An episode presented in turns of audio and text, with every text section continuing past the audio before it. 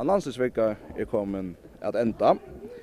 Eh första Anlandslig här sanna och det var att Anlandslig isne.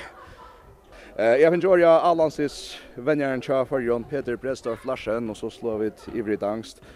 Eh Peter Prestor Flaschen, hvordan har den her landsholds uge været?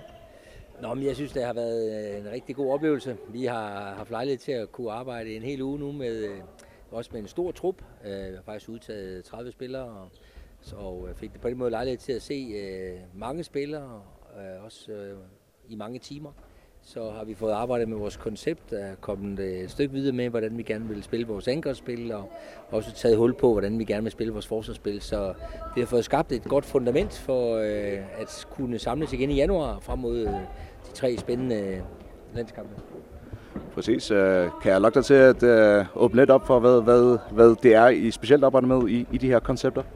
Jamen det er jo for eksempel, at øh, altså, øh, vi, har, vi har kigget øh, grundigt på øh, øh, de gode ting, som øh, færøerne har, har spillet tidligere, sammen med spillerne også, øh, som har været involveret i og, og, og pege på de ting, som vi skal bruge videre. Så har vi forsøgt at tilføre øh, lidt noget nyt, og på den måde øh, for at få vores kompetencer i spil. Det handler for eksempel om, at skal være meget bevidste om på færøerne, at øh, vi har nogle, øh, nogle, nogle spidse kompetencer i forhold til at kunne spille øh, en mod en, øh, i forhold til at kunne spille bredt i banen for eksempel, for at pege på et par eksempler. Så det er selvfølgelig det, vi så også tager udgangspunkt i, når vi sådan skal designe vores angrebsspil. Så det er noget af det, der har brugt øh, meget tid på den her uge. Du sagde, du har udtaget en stor trup, og vi så også en, den her interne træningskamp her for lidt tid, tidligere i dag. Er der hård kamp om pladserne? synes jeg faktisk, det er.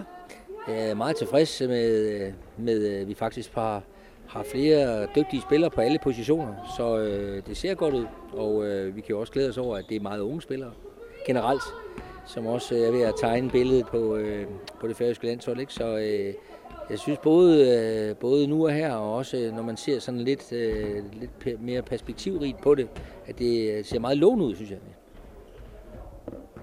Hvad har du Hvad, hvad, hvad har du liksom lært om, om den her trup øh, efter den her land, landsholdssamling?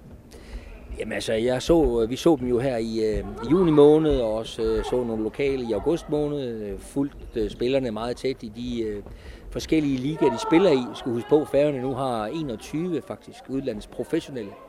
Så øh, det har været spændende at følge dem rundt i de forskellige ligaer, de har spillet i på Island og i Tyskland og i Sverige og i Norge og i Danmark og på den måde også se, hvordan spillerne fungerer der, hvor de spiller. Og så er det spændende så at få dem live her øh, i den her uge, så at man efter, vi efterhånden har et rigtig godt billede af, hvad det er for nogle kompetencer, hver enkelt spiller har, og hvad vi kan, øh, hvad vi kan forvente, og, og hvad vi kan håbe på fra den enkelte.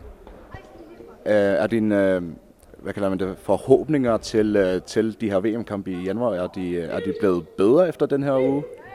Nej, jeg synes ikke, de er blevet bedre, for de var gode i forvejen.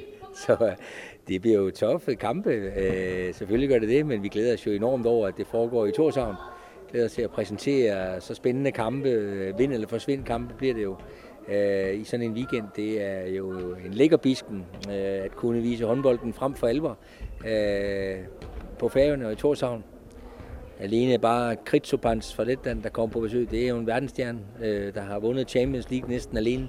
Så vi får fint besøg, men vi er ikke chanceløse. Nej, ikke kan stoppe ham vi, øh, vi har en god mulighed, synes jeg, for at spille øh, nogle gode landskampe, og, og jeg håber selvfølgelig på, at vi også kan, kan overraske lidt og, og kan måske være heldige at, at blive en af de to første. Det håber jeg i hvert fald. Ehm her til sidst, du har siddet og set øh, U18-landskab også. Øh, du har i hvert fald noget, noget talent på vej øh, til, til, til, de, til det næste kommende år i hvert fald. Øh, hvordan så du de kampe?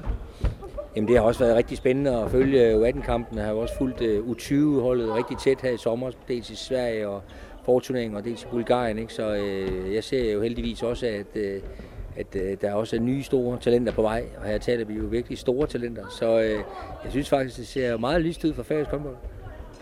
Det glæder vi os, at du, at du synes, og vi håber, vi får set, hvor godt det ser ud allerede i januar. Tak for snakken, Peter Bredsov